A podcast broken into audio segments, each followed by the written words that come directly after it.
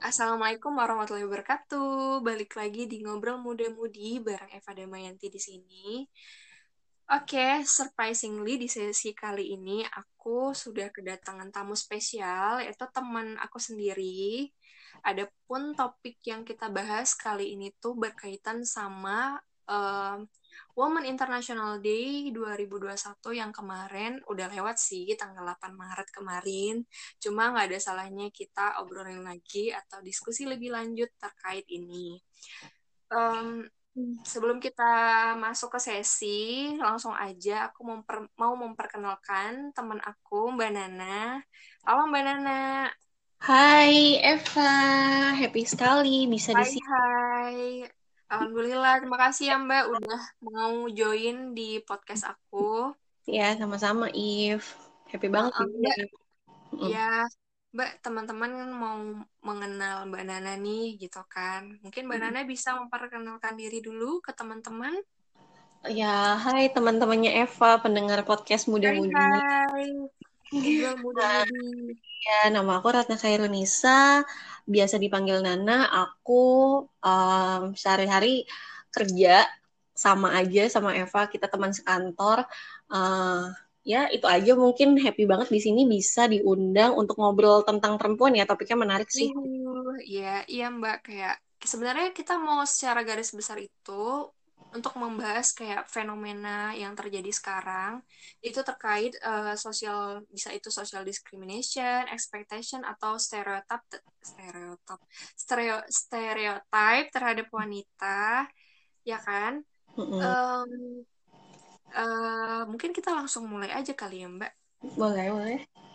Uh -uh. Jadi um, Mbak Nana, kemarin kan kita baru ngerayain Women International Day itu. Sebenarnya nggak ngerayain ya, lebih ke apa sih Mbak namanya? Kayak ya memperingati kali ya. memper, mempenger, memperingati ya Allah gimana sih oh ya iya. Jadi aku mau nanya nih pendapat mbak Nana kayak uh, apa sih arti Woman International Day itu buat Mbak Nana sendiri? Karena kan mm -hmm. banyak nih yang kita lihat sekarang orang-orang pada ngepost kayak Happy Woman International Day, tapi kayak dia mungkin kayak belum belum apa ya, belum tahu sebenarnya kayak apa sih artinya ataupun faedahnya gitu kan? Mm -hmm.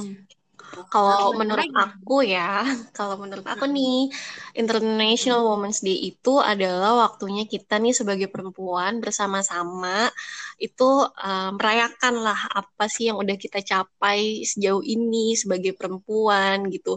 Uh, apakah ya apakah uh, apa namanya secara kesempatan tuh kita sudah memiliki opportunity yang sama, uh, kesempatan yang sama, penghargaan nya juga sama sebagai perempuan. Iya. Terus tantangan-tantangan apa sih yang masih kita punya ke depannya? Apakah kita masih banyak yang didiskriminasi? Harus apa nih biar kita setara hmm. seperti itu? Oke, okay, oke. Okay. Menurut Eva gimana? Kalau menurut aku sendiri itu Momen International Day itu waktu kita untuk evaluasi gitu melihat hmm. ke belakang juga melihat sampai saat ini apa sih yang udah kita capai yang kayak uh, kata Mbak Nana barusan kemudian lebih apa sih kayak uh, momen untuk kita lebih menguatkan itu woman empowerment gitu. So, agar kita bisa lebih apa ya berani untuk unjuk sikap, untuk percaya diri, untuk berani bertindak, berkarya dan berkontribusi khususnya bagi ini juga ya. Terus kayak Mbak Nana bilang tadi juga untuk uh, mendukung sama satu sama lain sebagai wanita karena kan kita ketahui ya Mbak di belahan dunia mana gitu kan atau di bahkan mungkin di sudut Indonesia sendiri itu masih banyak wanita-wanita yang terkungkung gitu kan, dibatasi haknya gitu, ditutup suaranya, mereka terbatas untuk ikut berdaya gitu kan. Dan Tidak diberikan kesempatan yang sama gitu ya, ya untuk, oh, oh, untuk belajar, untuk mengejar karir, mungkin. Iya benar, uh, uh, belajar sih terutama. Mm -mm. Terutama belajar apa pendidikan sih ya, sama kesempatan hmm. untuk belajar gitu kan. Betul. Gitu, jadi tugas kita untuk mendorong gitu wanita-wanita lain gitu kan agar Untuk lebih sama-sama each other. gitu. Iya benar, support each other. Oke, karena kan kita tahu ya Mbak di dunia digitalisasi sekarang ini maupun globalisasi gitu kan, harusnya harusnya bisa lebih besar ya nggak sih Mbak?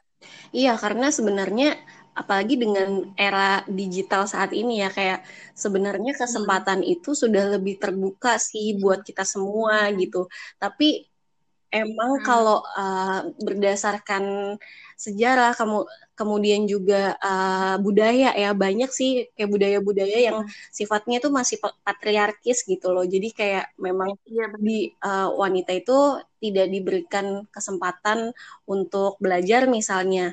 Tapi itu kan nanti kan pada akhirnya mempengaruhi kan kalau misalnya kita bahkan gak dikasih kesempatan untuk belajar bagaimana bisa kita bisa punya ilmu untuk menyuarakan pendapat kita atau Iya, gimana kita bisa punya kesempatan untuk memilih apa yang kita mau untuk bisa bersuara kayak gitu kan. Uh, tapi dengan adanya digital tadi sebenarnya platformnya sih sebenarnya udah kebuka ya sama rata untuk semua sama siapa Iya, saja. Kayak Eva nih punya podcast kan sebuah media sendiri kan untuk bisa uh, berbicara ya, menyuarakan ya mbak Iya benar-benar. Terkadang dengan walaupun ada digitalisasi maupun globalisasi, terkadang tuh kayak kita ngerasa masih merasa kurangnya dukungan gitu kan. Atau mungkin ada kebijakan yang nggak mendukung gitu. Mungkin kayak kebijakan atau peraturan, misalnya kayak mungkin masih terbatasi oleh tradisi, norma atau stereotip ataupun bahkan hukum positif yang ada sampai dengan saat ini gitu kan. Jadi Mbak Nana, kemarin kan aku udah nanya nih ke teman-teman aku apakah mereka punya pengalaman yang bisa di-sharing ke aku itu terkait uh, mungkin mereka pernah mengalami yang namanya social discrimination gitu kan atau social expectation terhadap mereka sebagai wanita. So, dari pengalaman-pengalaman mereka itu udah aku kelompokin apakah ini termasuk social discrimination atau kayak mungkin uh, so, termasuk dalam social expectation gitu kan. So, mungkin kita akan ganti-gantian kali ya Mbak membacakannya. Boleh, boleh. Oke, di sini tuh ada pengalaman pertama, langsung aja nih aku bacain uh, misalnya social discrimination semuanya aku bacain gitu nanti kita akan tanggapin ya kan? Ini langsung yang pengalaman pertama aku bacain dulu waktu dia masih kuliah. Uh, dia pulangnya sekitar jam 8 malam terus dia naik kereta gerbong campur gitu di maksudnya KRL ya. Terus di karena di sana sempit banget karena pada saat pulang kerja uh, makanya dia nggak dapat tempat duduk terus dia terpaksa berdiri. Pas di belakang dia tuh ada bapak-bapak nih um, aneh banget mungkin kayak sengaja ngedorong badannya ke belakang terus dia kaget teman aku kaget. Terus padahal di situ dia pegangan juga terus di situ padahal bapaknya pegangan juga gitu kan tapi eh uh, tapi dia tuh kayak yang terlalu me mepet sama bapaknya gitu eh bapaknya me terlalu mepet ke dia maksudnya terus karena teman aku ngerasa bapaknya nih makin lama makin aneh karena menggesekkan badannya ke bokong teman aku Aduh, makanya sexual harassment ya? Iya benar. Iya benar. Terus teman aku kaget dan kayaknya langsung buru-buru keluar gitu, keluar dari KRL. Itu pengalaman pertama di KRL ya. Memang di KRL ini sih cukup uh, apa ya? uh, cukup besar peluangnya untuk terjadi seksual harassment gitu karena namanya di gerbong sempit-sempitan gitu kan apalagi di gerbong campur cewek cewek cowok gitu kan cukup hmm. besar ini sih cukup besar terjadi kamu nggak pernah pengalaman kayak gitu kan If pernah sih tapi nggak yang uh, ekstrim banget. Kayak aku tahu nih gelagatnya udah mencurigakan udah aku kayak langsung uh, apa ya menjauh gitu loh mbak. Kayak gitulah. Nah Terus ini ada pengalaman kedua dari teman aku juga. Ini aku langsung bacain aja deh ya. Pernah waktu jalan kaki abis olahraga sama teman-teman, dideketin orang naik motor dan dibilang, e, Mbak, eh, V-nya kelihatan loh gitu. Tapi di sini V-nya tuh dalam ini ya bahasa kasar ya Mbak. Hmm, ya kan tau kan? sexual harassment juga kalau gitu ya tapi verbal. Iya ya benar. Terus uh, FYI olahraga ya kan pakai legging. Atasan juga udah dipilih yang nggak mengundang banget. Tapi repot emang kalau berhadapan sama orang yang otaknya selangkangan gitu kan terus biasanya kalau di catcalling diam aja tapi ini udah keterlaluan jadi harusnya udah keluar arek Surabayanya. Jadilah aku teriak dan maki-maki itu ke orang terus dia ngegas motornya berlalu gitu aja gitu kan.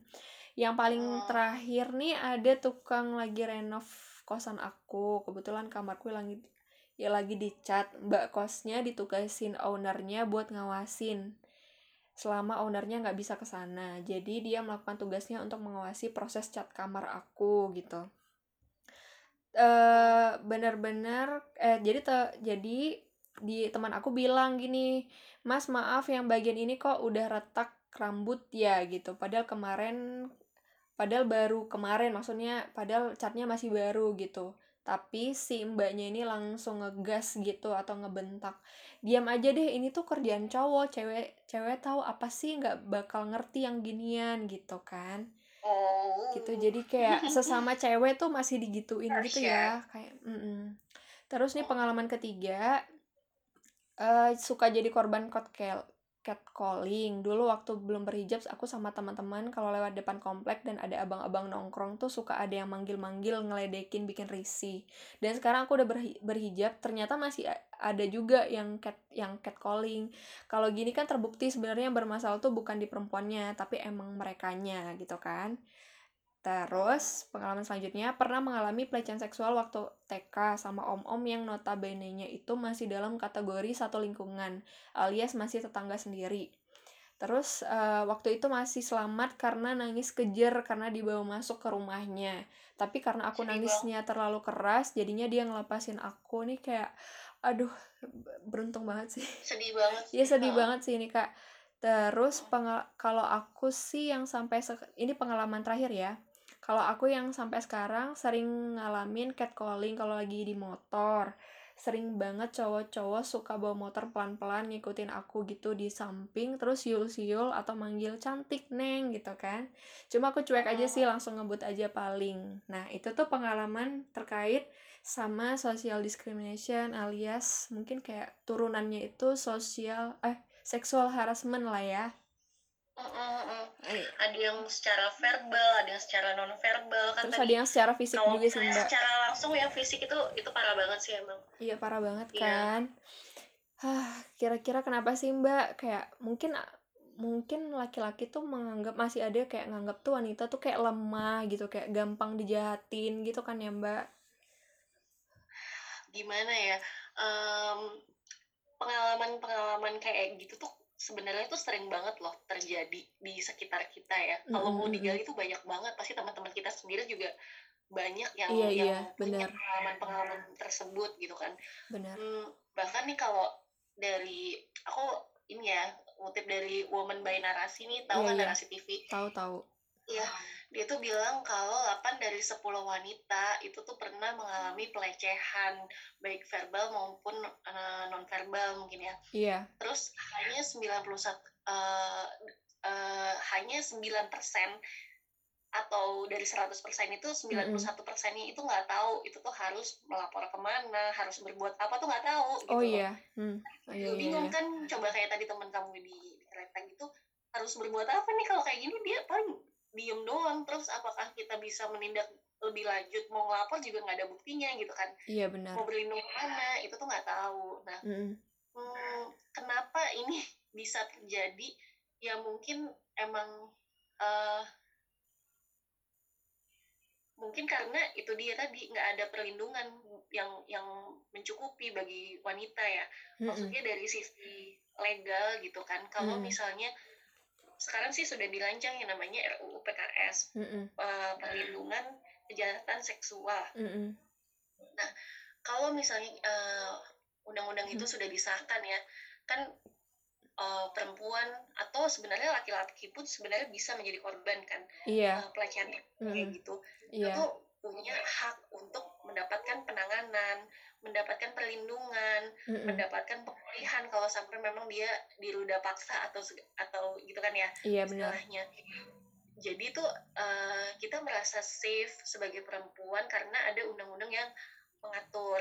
Uh, laki-lakinya juga laki-lakinya di sini bukan laki-laki aja sih, cuman maksudnya pelaku di sini mm -mm. itu juga mungkin akan berpikir ulang sih kalau misalnya ada uh, hukum yang jelas gitu mm -mm. yang menindak uh, apa sih uh, apa namanya uh, yang akan mereka dapat kalau mereka uh, berbuat demikian iya benar gitu mm -mm. uh, tapi juga dari sisi pendidikan balik lagi ya iya pendidikan kan sih mbak penting banget kan untuk mm -mm. untuk ini pola pikir gitu kan mm -mm. bahwa mm -mm. memang kita tuh dari kecil sebenarnya semuanya itu harus uh, kita semua diajarkan untuk respect each other. Iya benar. Kalau kalau perempuan juga harus respect sesama perempuan, juga iya, harus iya. respect lelaki juga, laki-laki juga harus respect perempuan tidak dilihat hanya sebagai objek seksual yang bisa seenaknya aja gitu untuk iya, komentari, untuk untuk uh, apa berbuat yang tidak tidak secara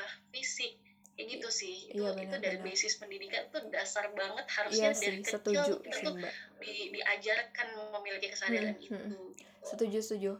Uh, pentingnya pendidikan ya mbak. Karena nih dari salah satu kasus teman kita tuh ada yang emang waktu SD itu eh dari kecil tuh pernah mengalami uh, pelecehan seksual kan ya mbak? Itulah uh, salah satu pendidikan yang harus diberikan waktu kita balita ataupun kecil tuh kayak adanya harus pentingnya tuh apa sih? Sexual education ya mbak.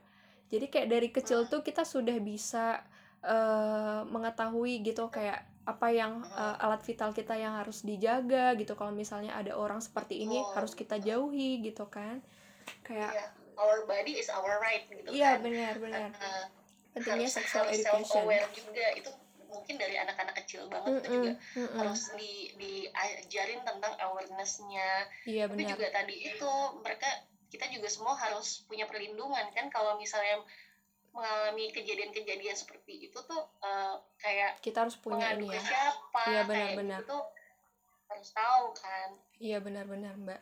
Kemudian mbak kita tuh kan generasi sandwich ya mbak di mana kayak generasi mungkin seadanya eh, pentingnya uh, apa namanya hmm, uh, seksual me, untuk menyikapi seksual harassment itu mungkin kayak lebih gembor-gembornya itu dicanangkan waktu kita sekarang gitu loh mbak disuarakan lebih disuarakan gitu kan pendidikan-pendidikan terkait seksual itu juga baru didapat tuh pada generasi kita gitu loh mbak di generasi kita. Oh iya iya benar benar. Iya, hmm. tapi di generasi di atas kita kan mereka tidak mendapatkan pendidikan akan hal tersebut gitu loh.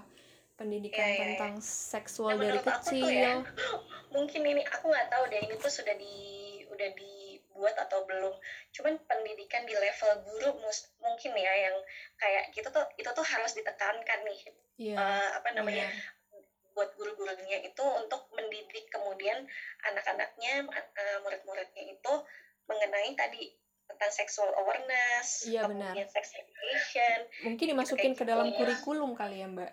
Respect, iya, iya, ya. Pendidikan, iya, pendidikan macam itu. Jadi itu tuh uh, kalau dari gurunya sudah mengajarkan kan nanti kan menyebar ke ke, ke siswa-siswanya gitu kan tentang iya. tentang hal itu gitu. Mm -mm. Mungkin kalau sebelum ya mungkin kalau sebelum ke lingkungan sekolah mungkin di lingkungan keluarga gitu kan sebagai orang tua juga harus udah memberikan apa ya ya itu sexual iya awareness gitu sexual education terhadap anak-anaknya di gitu masa kan. sosmed ini kayak baru digaungkan gitu iya kan, baru kan bersuara kan gitu loh mbak.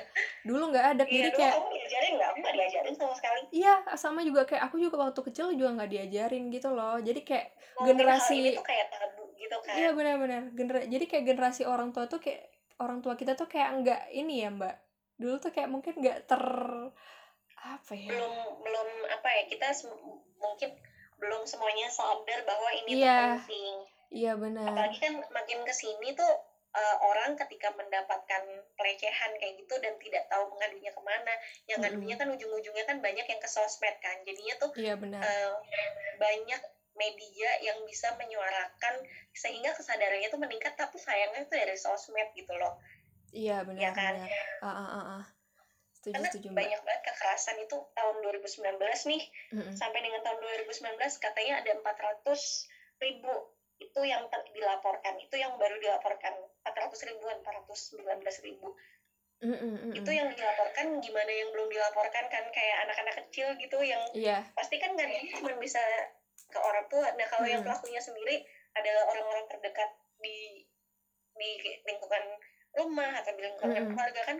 Pasti tidak eh, kemungkinan besar itu nggak akan dilanjutkan kan iya iya kasusnya itu tidak Mm-mm. terlaporkan jadi banyak banget sih sebenarnya kasus yang yang terjadi di sekitar kita benar gitu. banyak banget sih cuman kita nggak berani bersuara gitu loh walaupun Hmm. ya masih ada yang berani belum berani bersuara gitu ya kan mbak walaupun sekarang zamannya media sosial ya ada yang berani masih dan ada juga sih yang masih belum berani gitu Hmm. Oh, ini nih yang paling sering banget nih mbak yang catcalling itu tuh kayak hampir tiap hari gak sih kayak si ada Iya aja gitu loh Iya.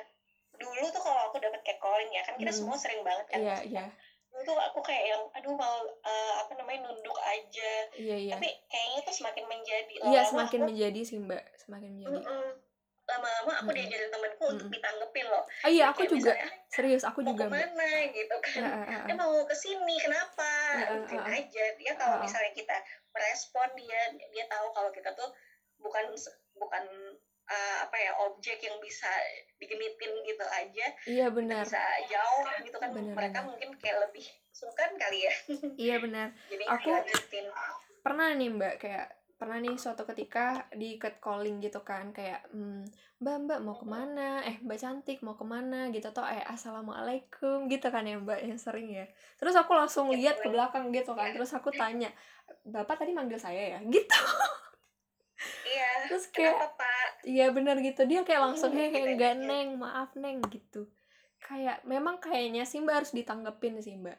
Kayak dilihat aja gitu Iya. setidaknya dilihat balik gitu. Terus kayak biar mereka sadar tapi kalau gitu loh. kasus teman kamu tadi yang catcallingnya agak-agak ekstrem terlalu ya. verbal ya mbak? Iya itu Ah. itu udah masuknya ke sexual harassment sih. Iya iya benar-benar kalau di dikomentarin itunya terli- kelihatan gitu. Iya. Kok dan itu Ya. kayak pakai bahasa kasar gitu juga kan? Mm-mm, jadi kayak eh, itu apa sih namanya eh udah eh, di atas catcalling lah ya ibaratnya udah terlalu kasar. Iya, itu udah masuk sexual harassment sih menurut aku. Iya ya Eh, kadang tuh kayak gini mbak. Kadang tuh kita disuruh tuh kayak makanya jangan pakai baju yang terbuka dong gitu. Terus kayak makanya kayak eh gimana mereka nggak ini catcalling kamu? Orang kamu pakaiannya kayak gitu gitu. Kayak terkadang aku mikir tuh ya mbak kita tuh dis, dituntut untuk berpikir sesuai dengan sudut pandang laki-laki gitu loh. Jadi kenapa nggak laki-laki yang menurunkan pandangannya gitu loh? Kenapa kita harus yang berbuat sesuatu menyesuaikan sama laki-laki gitu loh? Kadang nah mikir itu gitu loh tuh mbak. kalau di gender equality ya kalau di konsepnya gender equality Mm-mm. itu em, harusnya kan sama-sama equal kan. Iya. Posisinya perempuan juga harus respect sama mungkin apa ya laki-laki harus respect sama apa yang dikeluar di- dipakai perempuan. Tapi perempuan juga eh, harus respect dengan dirinya sendiri nih mungkin iya dengan tidak berpakaian yang terlalu mengundang tapi tapi pad mungkin in real life pendapat dengan hal itu Iya, kan? karena udah pakai baju tertutup aja juga gitu kan? Mm, Hmm. juga mendapatkan perlakuan kayak gitu terkadang. Nah itu mungkin balik Iya. lagi ke pendidikan kali bu harus dari kesadaran. Iya kayaknya. sih benar-benar mbak. Ya nggak sih? Iya iya. Aku pernah yang paling ekstrim Oh. banget sih mbak. Sejujurnya. Jadi waktu itu pernah yang pernah denger ini nggak mbak? Em, apa sih yang wani eh yang laki-laki yang tiba-tiba menunjukkan alat vitalnya ke wanita pernah nggak eksibisionis Iya ya eksi Heeh. eksibisionis. Nah aku tuh sampai pernah yang mengalami hal itu gitu loh. Dan itu udah terhitung tiga kali gitu loh mbak. Pertamanya kaget nih, yang kedua ketiganya udah biasa. Kayak pura-pura nggak mereka tahu punya aja. kepuasan sendiri kalau misalnya ngelihat kita kaget atau gimana Iya benar, kayak Hmm. menunjukkan kalau wanita tuh kayak jadi bahan apa ya objektifikasinya mereka gitu ya nggak sih iya. Ah ya udahlah. Gitu. Jadi sarannya nih mbak kalau di catcalling better di apa nih? Kalau ya tadi ya kalau aku sih kalau dari kalau di catcalling itu kita mungkin um, merespon dengan tegas gitu kan. Iya. Ba- uh, itu sekalian merimain bahwa kita tuh bukan objek yang bisa uh, digenitin gitu aja. Benar. Tapi kalau misalnya udah sampai sexual harassment secara verbal ya Mm-mm. catcallingnya udah udah tingkat next level lah gitu. Iya iya itu tuh memang harus mungkin dilaporkan sih. Ada tindakan-tindakan lebih lanjut. Iya. Biar orangnya itu jerak lah gitu iya benar. Jerak ya. Hmm oke oke mbak. Oke kita next topik ini tuh ke lebih ke social expectation atau social bisa juga sih social stereotype ya. Jadi aku langsung bacain aja ya mbak. Boleh boleh. Heeh. Yang di sini tuh ada pengalaman satu dari temen-temen sering banget nih kalau kumpul keluarga besar ditanya kapan nikah, mana pacarnya, gitu-gitu. Terus perempuan umur segini kok belum bawa pacar, sampai pernah ada keluarga yang bilang, sebagai wanita jangan terlalu fokus mengejar karir, nanti kalau terlalu tinggi bakal susah dapat jodohnya, gitu. Terus yang pengalaman kedua, ini aku bacain semua dulu. Boleh Dulu sempat ada tuntutan di rumah dan keluarga harus bisa masak. Sebagai anak perempuan satu-satunya di keluarga ada tuntutan dan kewajiban buat bantu ibu dalam pekerjaan rumah tangga. Aku tuh sering dikasih tanggung jawab buat masak siang dan malam di rumah keluarga. Waktu itu sampai dimarahin dan nangis, disuruh dan dipaksa masak buat keluarga karena karena ya aku emang gak mau dan emang gak suka gitu loh. Aku mau masak kalau misalnya aku mau gitu mungkin maksudnya kasihan pernah sampai dimarahin dan nangis kejar kalau nggak bisa be karena nggak bisa bedain bumbu dapur. Sampai sekarang prinsip aku sih aku mau masak kalau emang kalau aku emang mau bukan karena paksaan sebagai cewek gitu. Terus pengalaman ketiga beberapa bagaimana lingkungan oh gini eh kadang tuh wanita harus cepat eh, dianggap harus cepat nikah karena jika eh, jika sudah mapan seolah-olah kita wajib membangun rumah tangga secepatnya dan tidak elok jika menikah di atas umur 30 tahun. Apakah mereka mereka memiliki hak untuk hanya untuk sekedar mengingatkan kita kapan wanita seharusnya menikah? Apakah wanita lebih dianggap tabu jika menikah di atas umur 30? Sungguh hal seperti ini tidak sepatutnya menjadi budaya di lingkungan kita. Apa pun pilihan kita, entah sebagai wanita atau laki-laki, seharusnya menikah adalah pilihan dan keputusan masing-masing. Oke, ini the last experience. Aku anak terakhir di keluarga. Awalnya aku sempat diraguin sama keluarga juga sepupu karena ngerantau. Karena aku perempuan dan anak bungsu. Oke.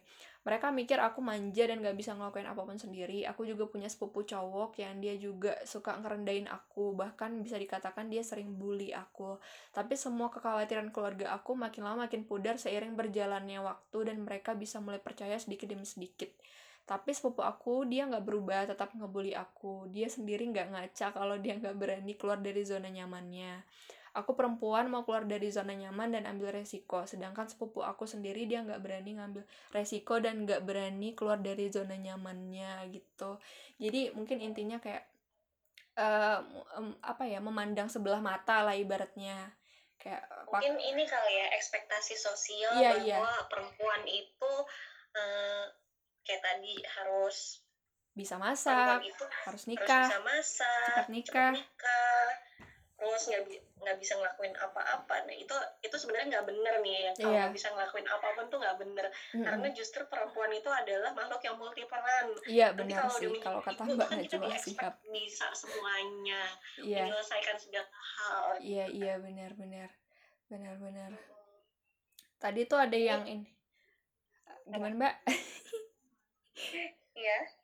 Nah, ini tuh kayak eh, mostly dari pengalaman tuh ya katanya Mbak dituntut untuk cepat nikah. Terus gimana menurut Mbak Nana sendiri? Iya, ini kan sering banget kan kita denger di lingkungan kita Iya sehari-hari kan. Aku juga sendiri Eh, gitu sih. Padahal ya itu dia sih kalau misalnya ya kita udah kita semua itu memandang satu sama lain itu dengan respect, yeah. uh, setara gitu ya. Mm -hmm. Harusnya kan kita bisa menghargai kan pilihan masing-masing. Yeah. Ada orang yang memang memilih untuk uh, menikahnya itu later karena dia belum puas untuk mengembangkan dirinya sendiri, dia masih yeah. of course, untuk belajar lagi, melanjutkan mm. pekerjaan atau atau uh, mencapai tingkatan karir tertentu. Mm-mm, harusnya kan pilihan-pilihan tersebut itu direspek gitu loh. Mm-mm. pun sama dengan dengan laki-laki. Ada laki-laki yang eh, mungkin pengen kontribut lebih besar di rumah tangganya gitu. Mm-mm, mungkin ya. Iya. Maksudnya dia dia menikah kemudian nanti tidak 100% di pekerjaan tapi dia ingin lebih fokus ke keluarga. Ada loh ada loh tipe-tipe cowok kayak gitu iya kayak misalnya sih suami CL tuh dulu si uh, almarhum Ashraf ya yang aku dengar kan ah. beliau udah punya posisi di di apa namanya di perusahaan tertentu tapi karena dia itu waktu itu dituntut pekerjaannya terlalu sibuk Mm-mm. dia memilih untuk resign aja karena dia uh, pengen bekerja tapi pengen memberikan juga waktu yang lebih untuk keluarga gitu Iya, loh. jadi iya. nggak yang tipe-tipe kerjaan yang lembur sampai sampai nggak punya ketemu waktu ketemu anak iya eh, benar. kerja sampai malam lembur-lembur kayak gitu. Itu kan semua kan berdasarkan pilihan kan maksudnya. Iya benar aku sih. bisa memilih sebagai perempuan untuk berkarir Mm-mm, atau mm-mm. atau iya um, benar-benar. menempuh pendidikan lebih lanjut. Mm-mm. Uh, laki-laki juga berhak untuk punya Hal yang sama. pilihan yang sama. Iya, dan iya. kita juga harusnya bisa balancing role itu gitu loh. Iya benar-benar benar ya kan dalam dalam kehidupan rumah tangga ya saling support tuh antar pasangan. Iya benar. Itu harusnya sih yang yang ideal seperti itu. Iya benar-benar Gitu. benar. Em, menurut Eva gimana? ya menurut aku sama sih kayak menikah gitu mulai kapan punya anak gitu kan. Eh itu pilihan sih gitu. Ada orang yang memilih emang untuk hidup sendiri gitu kan. Ada juga orang yang milih eh sebenarnya pengen nikah gitu loh. Cuman emang belum ketemu aja gitu. Jadi kayak tidak bisa dipaksakan gitu loh. Menunggu untuk sampai mendapatkan menurut atau uh, apa namanya orang yang tepat.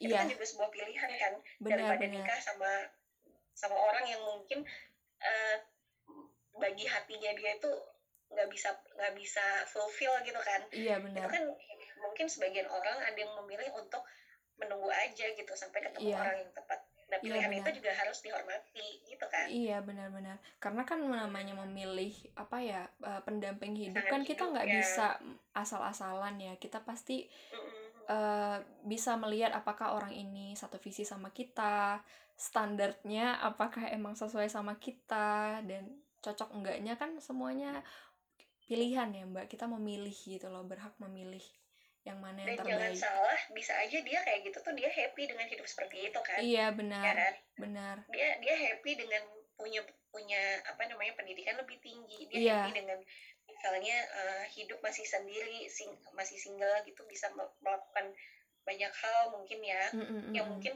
tidak bisa dilakukan ketika dia udah punya tanggung jawab lebih dalam rumah tangga.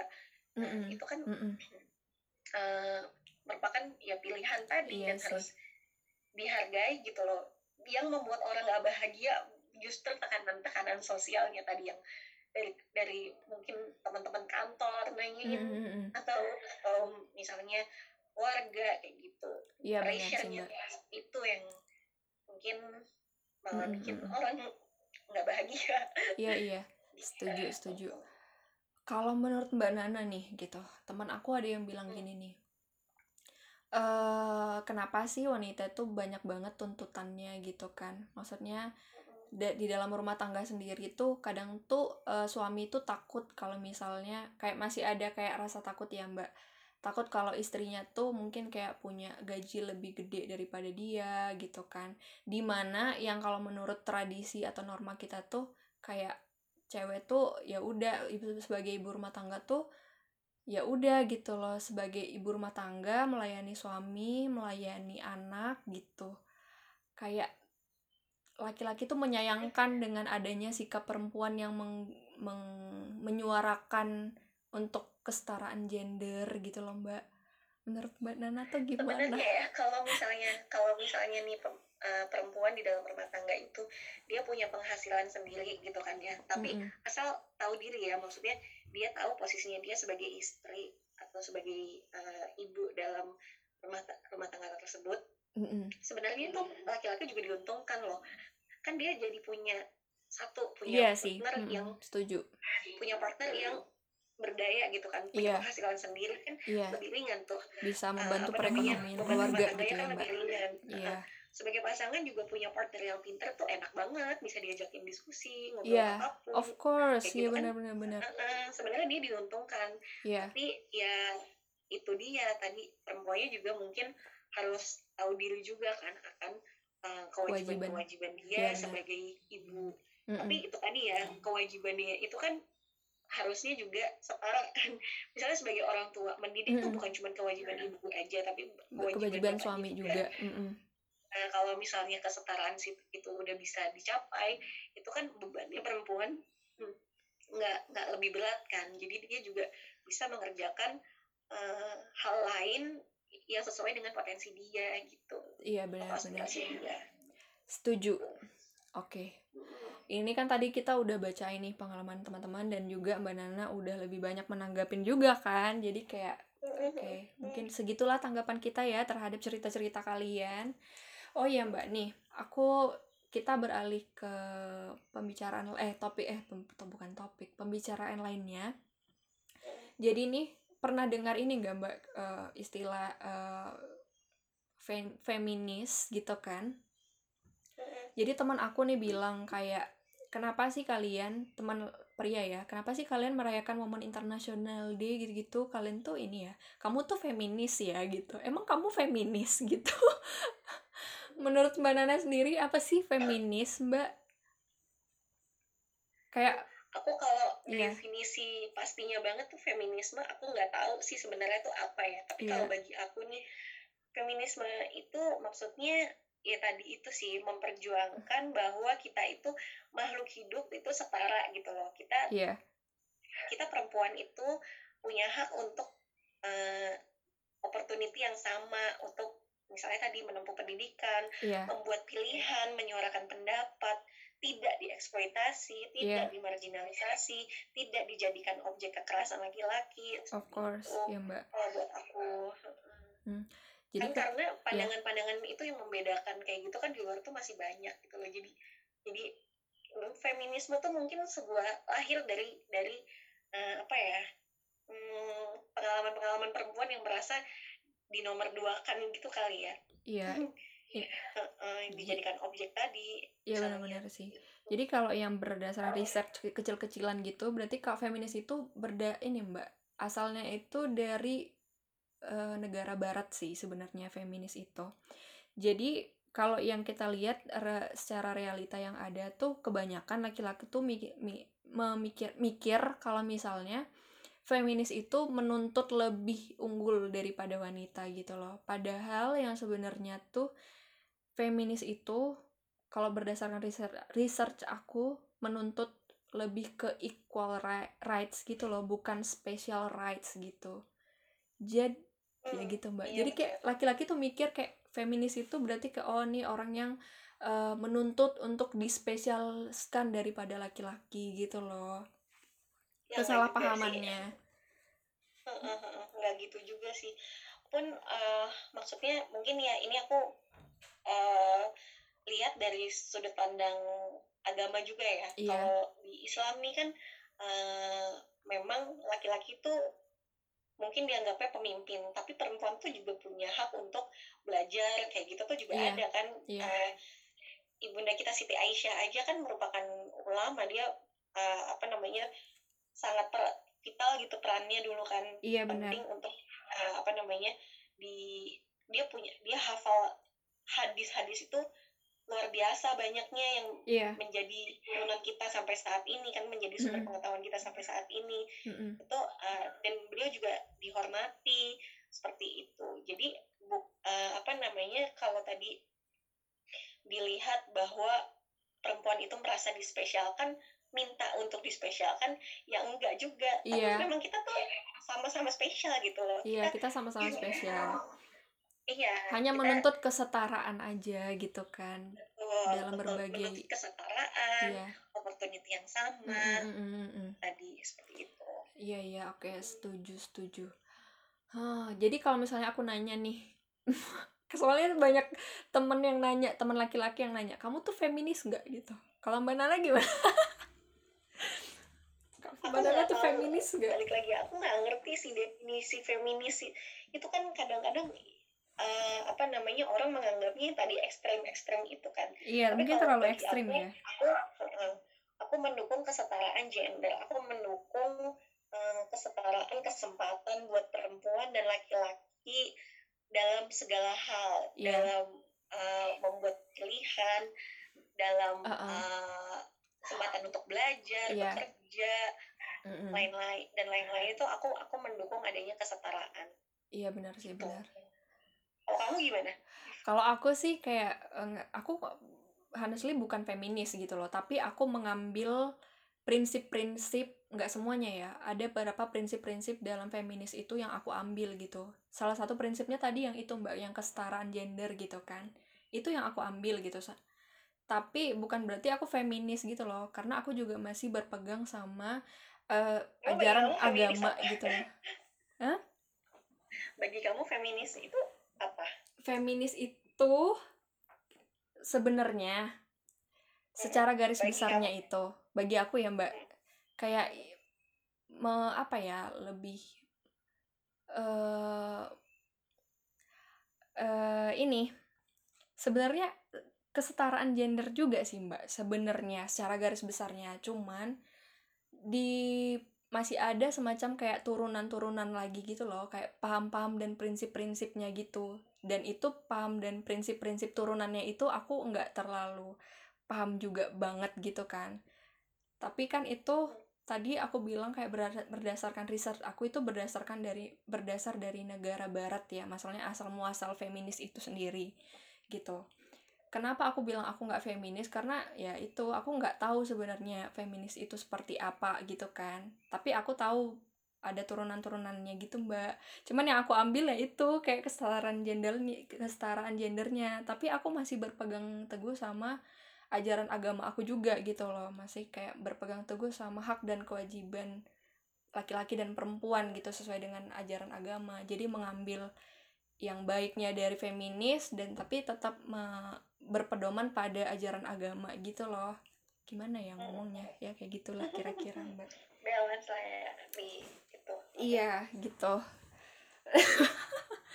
Aku tapi masih selalu bingung sih kalau ditanya kamu tuh ini ya menganut feminis ya? Karena ya udahlah kita jadi balik membahas lagi. Ditanya balik aja mungkin yeah. menurut menurut mereka itu feminis kayak gimana?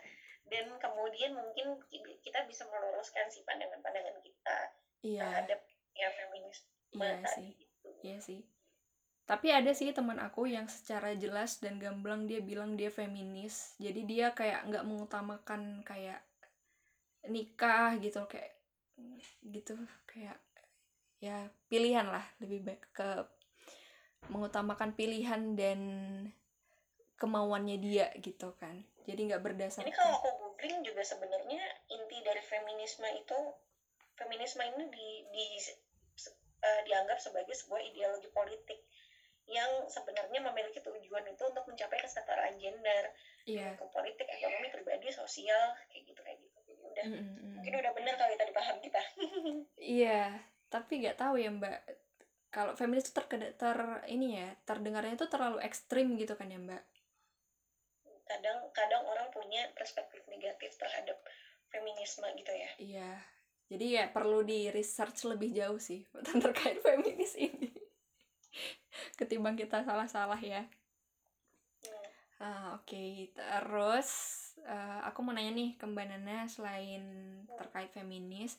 Kan kita nih ini ya mbak uh, pegawai kantoran lah ibaratnya. Uh, budak korporat. Budak kira-kira menurut Mbak Nana di lingkungan kerja sendiri itu masih ada ketimpangan uh, gender gitu nggak? Maksudnya kayak kayak adanya uh, ketidakseimbangan terkait laki-laki maupun perempuan. Misalnya kayak gaji si laki-laki lebih tinggi daripada gaji perempuan atau kayak laki-laki tuh lebih gampang naik karirnya daripada perempuan atau kayak dalam pemilihan leader itu kayak lebih mengutamakan laki-laki atau perempuan masih ada nggak mbak kira-kira? Uh, apa namanya ini menurut survei BPS per Februari 2020 ya? Iya boleh. Yang aku itu sebenarnya uh, apa namanya memang dilihat bahwa gaji laki-laki itu 22% lebih tinggi daripada gaji perempuan. Iya, Itu mm, pernah baca. seperti itu. Mm-mm. Ini mungkin tidak terjadi di kantor kita ya, Iya. alhamdulillahnya nih.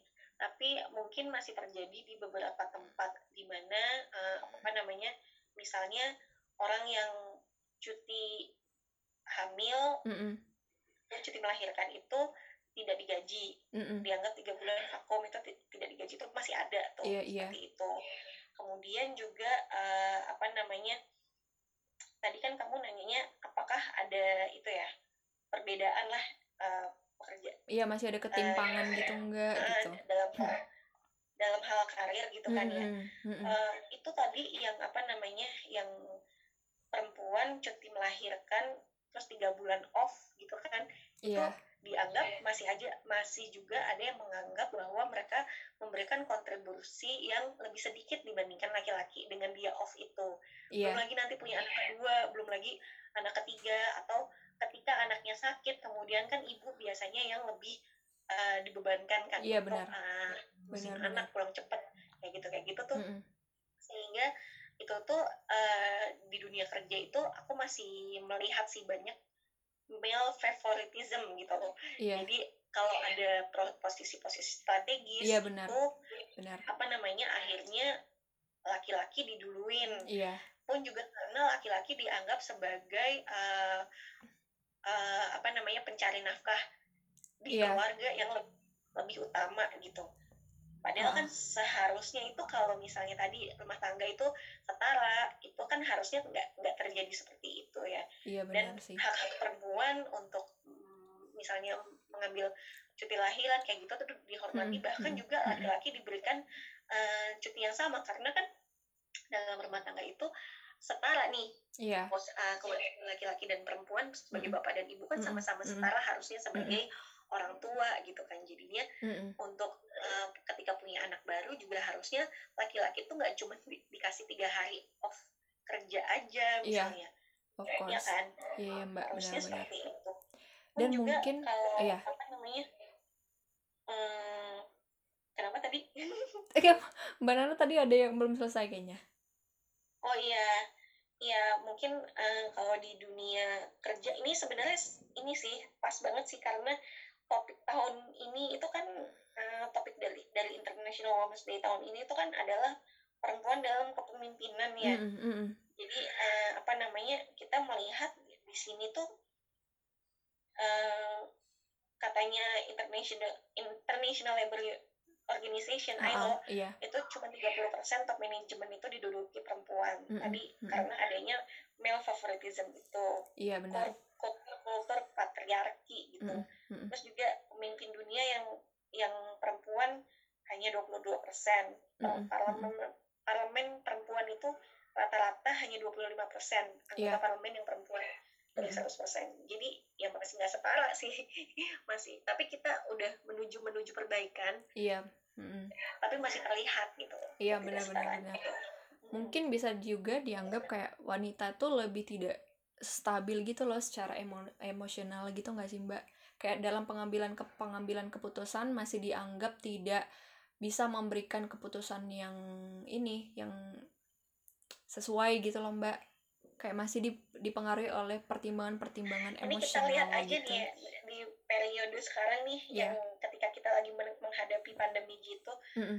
eh, apa namanya pemimpin-pemimpin wanita itu kan dianggap malah lebih sukses ini untuk menangani pandemi kita lihat Angela Merkel Iya, di Jerman kemudian, Jacinda Ardern yang di New Zealand iya itu benar.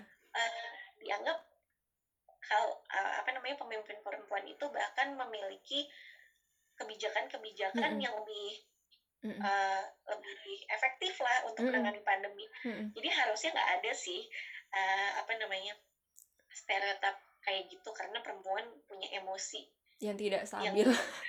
yang tidak stabil itu Oh. nggak banget pemikiran kayak gitu enggak sih. Tapi kayaknya itu Kalau masih salah satu nggak sih kompetensi aja. Iya, tapi secara ini kayak secara kenyataannya masih dilihat seperti itu kan ya? Mungkin ya aku nggak tahu sih, tapi menurut aku kalau memang laki-laki dan perempuan itu memiliki kompetensi yang sama mm. harusnya mereka juga punya opportunity yang sama untuk uh, mendapatkan posisi posisi ya dalam sebuah pekerjaan. Mm. iya. Oke deh. Iya ya, benar benar.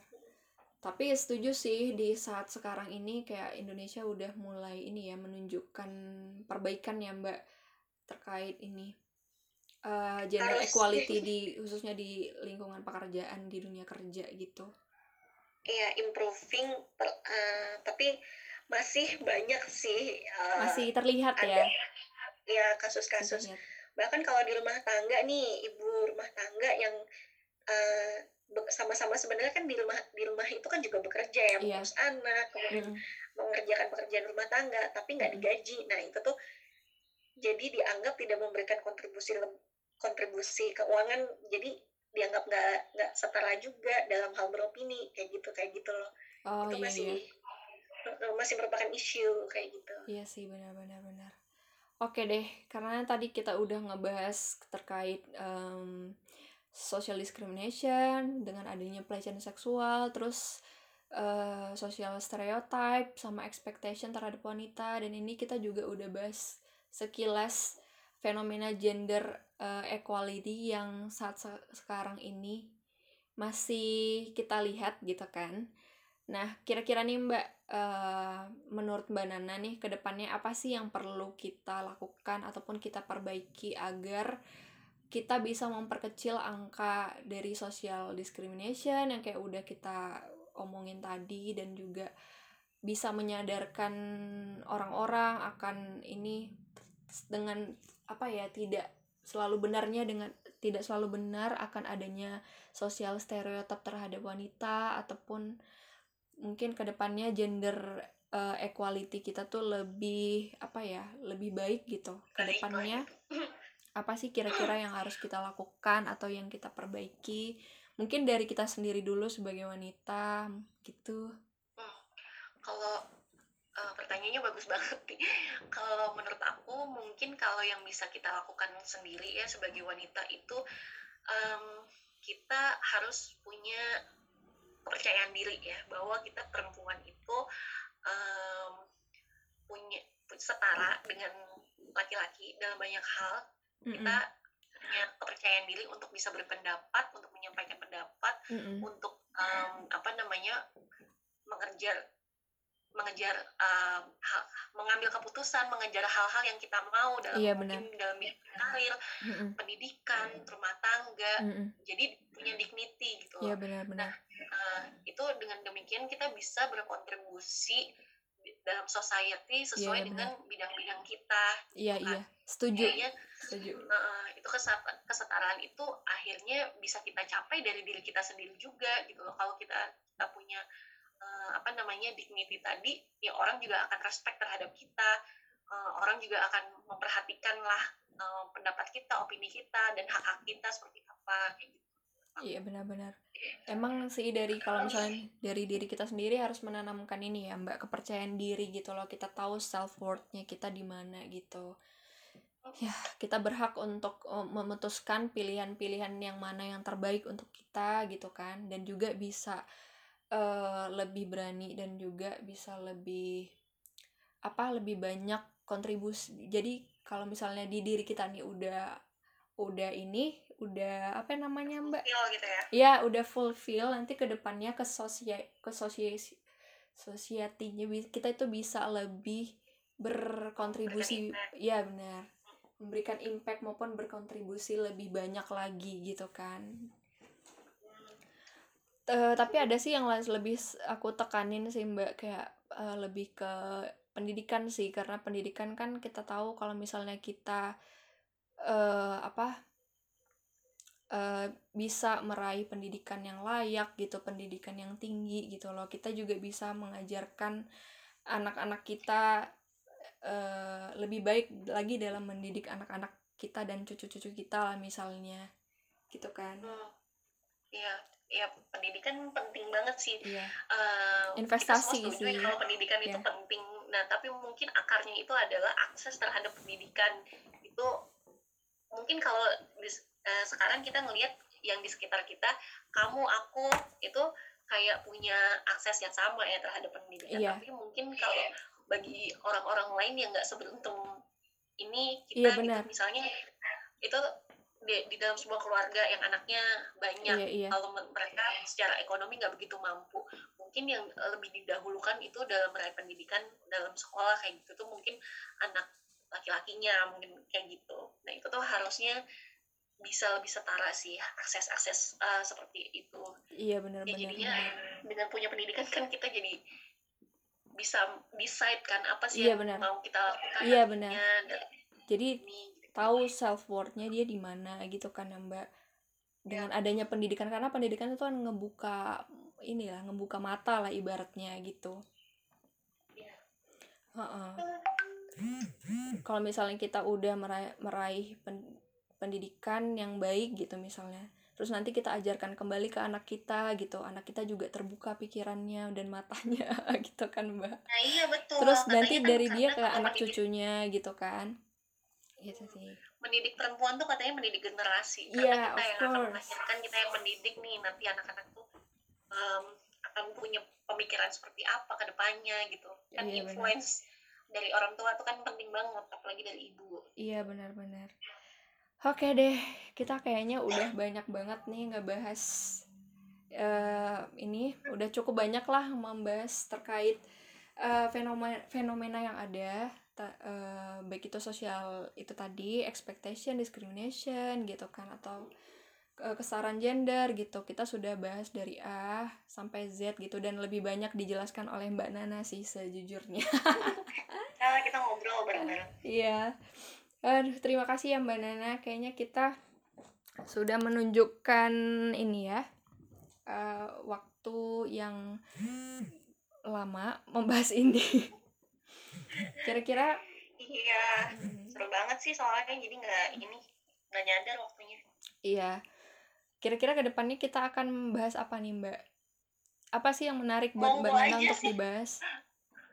monggo banget sih aku kalau diajakin Eva seneng banget mungkin Iya ya. ngobrol berbagai macam hal Oke, harapannya ke depannya semoga kita masih apa ya Mbak? Harapannya ke depannya gimana Mbak? Mbak Nana dulu deh. Diberikan kesehatan. Ini kan uh, masih masa-masa pandemi ya. Kita semua uh, apa namanya Iya, diberikan kesehatan lah sampai nanti mungkin normal lagi nih situasi Kita untuk doakan bekerja, aja. beraktivitas berolahraga. Tadinya kan kita temen berolahraga ya bareng-bareng. Tapi karena apa namanya pandemi Aktivitas yang ya semuanya dari pandemi rumah. nggak ada ya zumba bareng. Semuanya dari rumah masing-masing. Iya benar-benar. Menjaga ada kesehatan. bareng ya?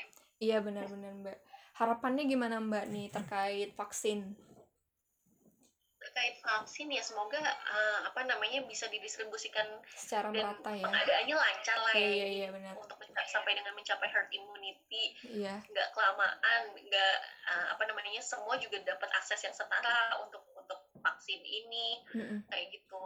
Mm-mm. itu sih harapan aku. Oke Jadi deh. kita bisa segera mencapai normal lebih cepat. Iya benar-benar. Amin ya robbal alamin. Oke deh. Makasih banyak mbak Nana karena udah meramaikan podcast ala-ala ini. Semoga ke depannya nanti bisa ngobrol di topik yang lebih menarik lagi ya mbak. Makasih banyak loh atas eh, ilmu dan informasinya. Wih. Hmm, ya ampun thank you banget Oke deh, kalau gitu sampai ketemu di next episode. Eh, sehat-sehat semuanya, tetap jalankan protokol protokol kesehatan. Eh, akhir kata, wassalamualaikum warahmatullahi wabarakatuh. Terima kasih yang udah mendengarkan sampai dengan saat ini. Bye bye.